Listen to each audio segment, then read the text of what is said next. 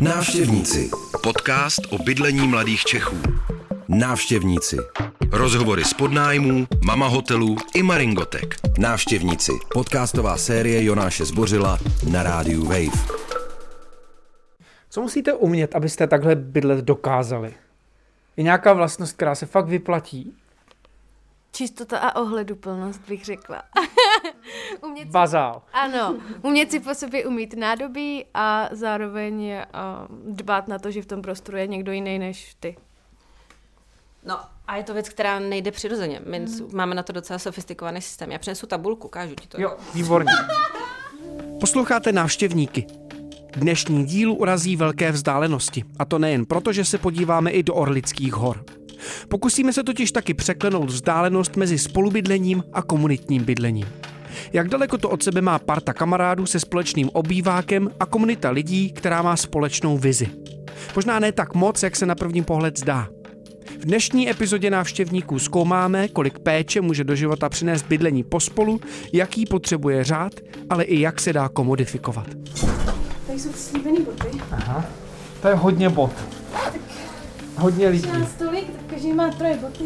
Začínáme v pražských Holešovicích. Ve 130-metrovém bytě spolu bydlí sedm lidí a pes. Dnes mě tu vítají Martina, Monika, Antonín, Zdeňka, Luffy a Husky jménem Jarmuš. Máte tady poměrně velký zastoupení kudrnatých lidí. No. Děkuji, že jsi z toho všiml, protože my teďka děláme Carlihan metodu. To první, čeho si hned všímám, je přátelská atmosféra, která tu panuje. Mám pocit, že se tu všichni znají už od dětství, že by jeden o druhém dokázali napsat knihu. Sami mě ale upozorňují, že co se týče spolubydlení, mají za sebou všichni spoustu špatných zkušeností. Dnešní epizoda návštěvníků ale bude patřit k těm hodně pozitivním. No tak úplně jednoduše. Jaká je největší výhoda spolubydlení? Pro mě určitě největší výhoda spolubydlení je ta finanční. Prostě nedokážu si teďka, nemůžu si dovolit mít svůj vlastní byt. Zároveň to, že člověk není sám, že já mám pocit, že se o mě vždycky někdo postará, když se něco stane. A taky i nějaká ta sdílená zodpovědnost, protože nás je tady víc a ta zodpovědnost neleží jenom na mě. Sice zároveň to jako má i negativní stránky, protože teď se nám třeba rozbila elektrika a nikdo z nás není schopný to prostě zařídit. Ale neleží to jako jenom čistě na mě. Že je tam vlastně nějaká i úleva v tomhle. Kdy jste se nejvíc pohádali o něco? Myslím, že většina těch hádek největších pak nesouvisí s tím jako spolubydlením. Mm, nebo s tím jako společným soužitím. Že to jako vyjde z nějakých jako osobních konfliktů, který mezi těma lidma jsou, ale jsou jenom vlastně exponovaný tím, že ty lidi spolu jsou v tom stejném prostoru. Mně vždycky přijde, že jsme jako takových šest nebo sedm sourozenců, ale každý jako kdyby jsme zároveň byli z jiné rodiny a měli ty jiné návyky a, a jinou výchovu, takže potom takový těžký no vlastně vyrůstat jako ty sourozenci, co nemají ty dospělí rodiče, aby jim řekli, že mají uh, se usmířit třeba. Jde ve spolubydlení mít blbou náladu? Abych... Mega jde? Mega jde mít spolubydlení blbou náladu. Ale myslím si, že to vzájemně dokážeme vycítit, že uh, víme, že teďko někdo něco prožívá, tak je nervózní, tak buď se stáhneme, nebo mu i řekneme, jestli třeba nechce pomoct, nebo se fakt stáhneme a víme, že on, když bude potřebovat, tak prostě zase přijde. No, je to hodně fakt o empatii. A ty hranice, no. Jakoby, že každý má jiný hranice, je to o tom nastavení nějakým, no. Vzájemným. O vzájemným, vzájemným respektu. A já jsem třeba včera měla docela intenzivní den a aniž bych to komukoliv řekla, tak mi Monča koupila dortíček a přišla jsem domů a měla jsem tady dortíček. Takže i takové věci se dějou, když máš blbou náladu na spolubydlení. Že ti nikdo jako neříká, že ji nesmíš mít, ale vlastně přijme to. Jsou, jsou určitý jako parametry, který když člověk splní, tak bude mít jako fakt dobrý spolubydlení?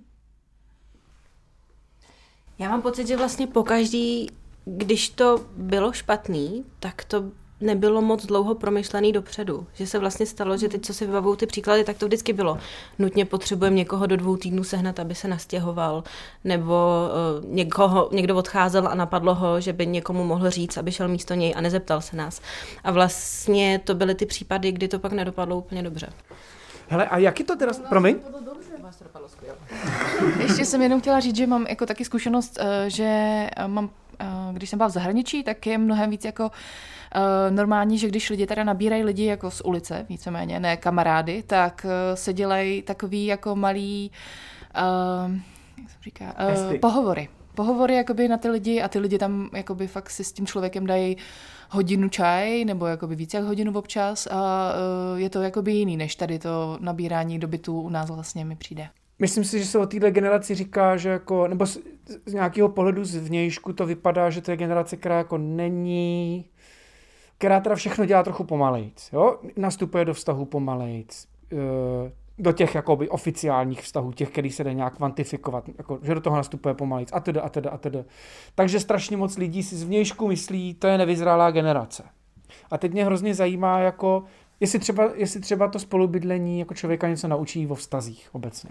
To je hrozně vtipný, že to říkáš, protože mně naopak přijde, že to, že bydlím ve spolubydlení, tak mě naučilo hroznýho vlastně jako trpělivosti a pochopení.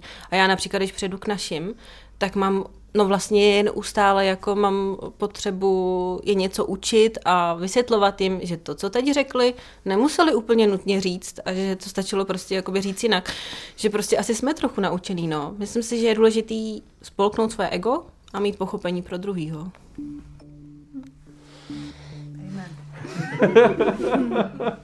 něco říct. Stěhuješ se k nám? Jo, už, už hned jak jsem zul botek, jsem se k vám přestěhoval. O potenciálu spolubydlení jsem se bavil také s ekonomem a sociálním geografem z environmentálních studií Masarykovy univerzity Janem Blaškem. Velkým přínosem těchto různých jako společných typů bydlení je právě to sdílení. Sdílení informací, sdílení vlastně nějakých služeb, lidi si můžou, já nevím, i když máte už potom třeba dítě, tak, tak vám může prostě váš uh, váš jako kamarád z toho bytu pohlídat dítě, když, když, když potřebujete, uh, nebo sdílet věci, jo? Potřeb, nemusíte vlastně každý mít svoji vlastní uh, ledničku, svoji vlastní pánev, svoji, uh, ale třeba i třeba svoje vlastní uh, třeba sportovní vybavení, prostě si ho půjčíte uh, od, toho, uh, od toho člena kolektivu, ve kterým, ve kterým žijete. Tak to má jako velký přínos. Mluvili jsme také o tom, že se spolubydlení začíná rychle komodifikovat. To, co si v našem příběhu řeší mý hostitelé sami, dokážou suplovat společnosti. A to i v globálním měřítku. A v rámci toho dostanete jako vlastně all-inclusive service od, od té společnosti, která vám uh, zajistí nějaký jako základní eh, komunitní aktivity, jako jsou prostě třeba společné večeře nebo nějaký jako kulturní program. Uh, zajistí vám třeba to, že, že vám jako perou prádlo nebo žehlí košile a, a, a tak. A je to, je to něco, co, co vlastně ti dnešní mladí lidé uh, jako ve velkém opravdu jako ve velkém po celém světě jako využívají. Jako důsledek uh, jako vzniká jako celý velký trh uh, pro, pro tenhle ten jako dočasný způsob uh, nájemního bydlení, jo, kdy ty ceny jdou prostě nahoru i právě v těch jako studentských uh, lokalitách, prostě a studentských městech, uh, právě protože jako existují uh, investiční společnosti a firmy, ale i vlastně jako jednotlivci majitele, kteří ví, že tohle je prostě jako ideální ideální nájemce. Prostě někdo, kdo neplánuje bydlet eh, na tom místě jako x let, je schopný se to zařídit spíš tak, že když eh, na ten nájem nemá, tak hold prostě přibere ještě jednoho člověka do toho kolektivu a rozdělí si ten nájem jako tímhle způsobem.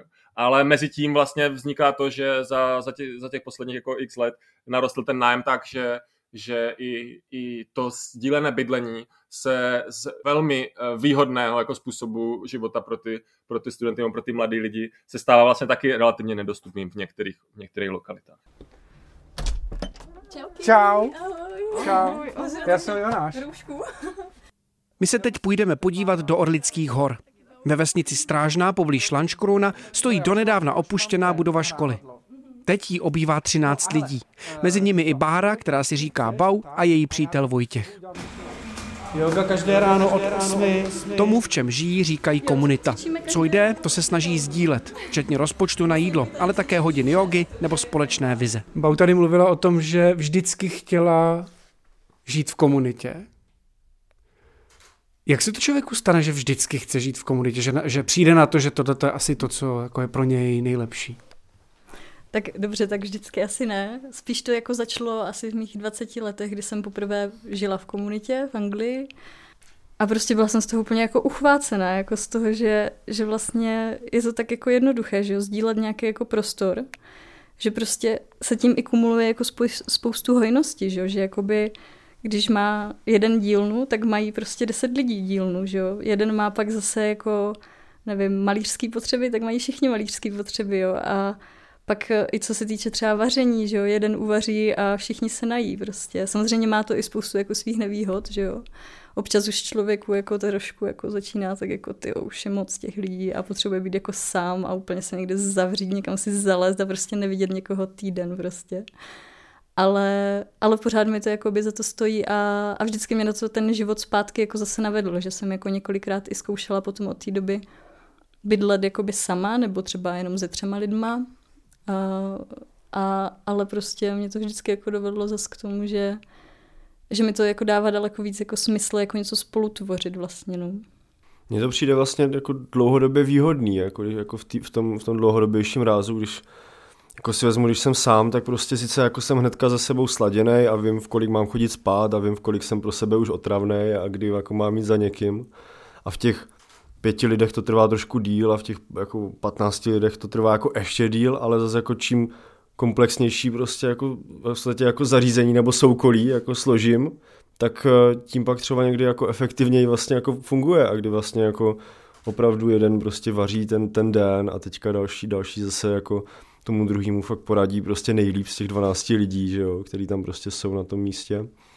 Takže prostě v tom dlouhodobém hledisku to funguje a navíc mám pocit, že že mám takový jako širší vnímání jako rodiny, že vlastně mi na tom jako nezáleží, jestli ten člověk je geneticky příbuzný nebo ne. Já jako pokud mi ten člověk prostě je. Přemýšlím, je to tak jednoduchý, nebo máte kliku, nebo?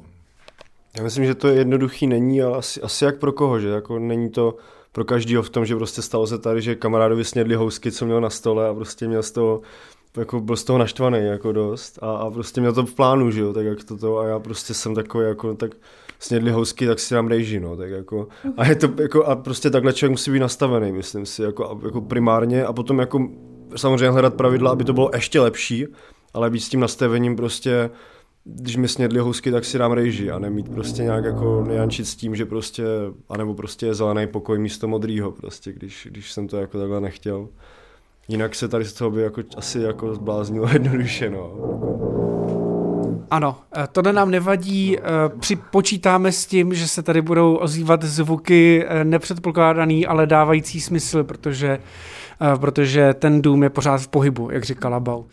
Ještě tam jsem si vzpomněl zajímavý moment vlastně, jak tady přibyli další tři lidi, tak všichni z nich eh, jsou vegani a zbytek vlastně sice jako moc neholduje tady většina masu nebo živočišným výrobkům, ale občas si dáme a vlastně řešíme skládání společný na jídlo, kde vlastně každý dává tři stovky na jídlo týdně a z toho vlastně nakupujeme všichni, takže jako drží se to hezky pohromadě.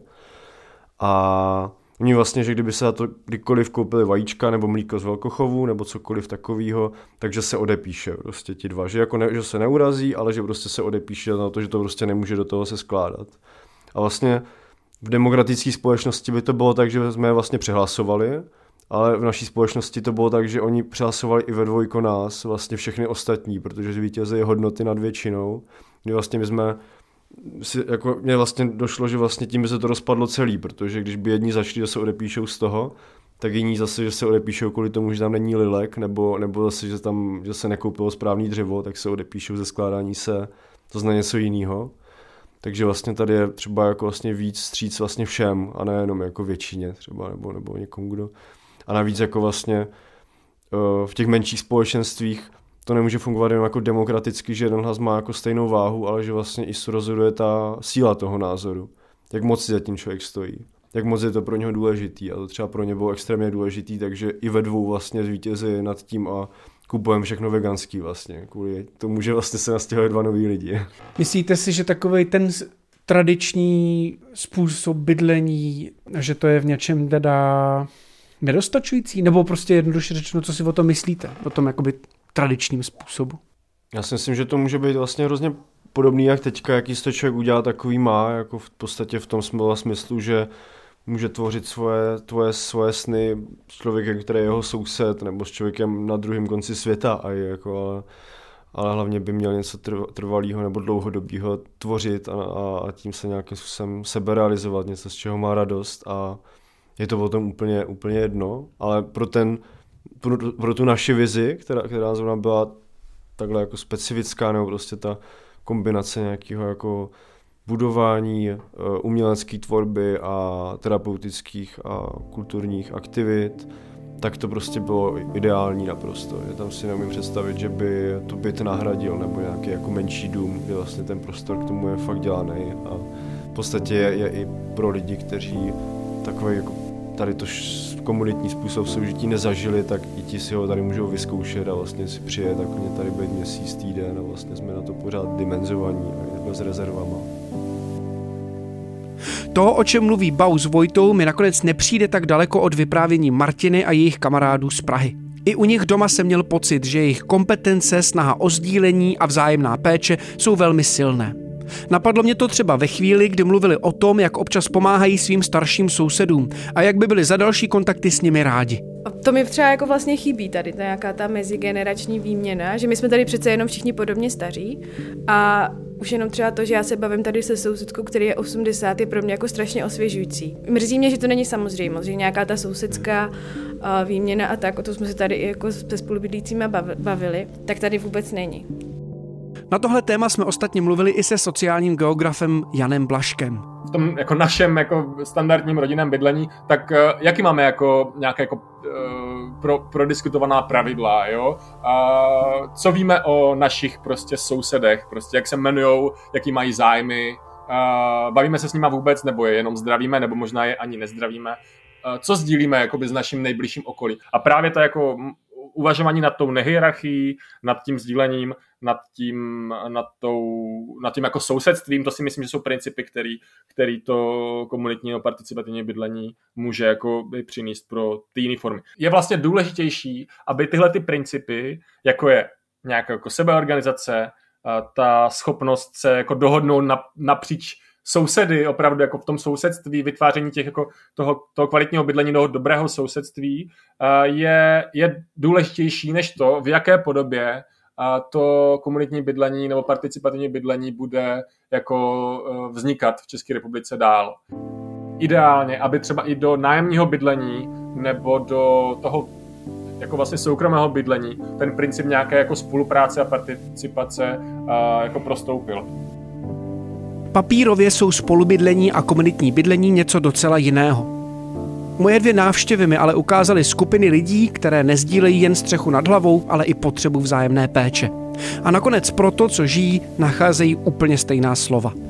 A myslím, že to je vlastně důvod, jak jsi říkal, že to, že je to z nějakých ekonomických důvodů a že když lidi jdou od rodičů, tak eh, jdou do spolubydlení právě jako třeba z, z důvodu těch peněz, tak já jsem se zamýšlela nad tím, že vlastně já, když jsem odcházela od rodičů, tak mě ani nenapadlo jako zvolit jinou variantu, než jít prostě jako bydlet s těma kamarádama. Ale myslím si, že to je víc o tom, co třeba tady mluví Antonín s Marťou, eh, o tom sociánu, že prostě člověk ze své přirozenosti je zvyklý nějakým způsobem žít v komunitě a když jdeš do toho velkého města, tak tam přesně tohle to nemáš. Nemáš tam to sousedství, neznáš tam ty lidi okolo a vlastně to, že jdeš do spolubydlení, tak ti dává nějakou jako um, komunitu.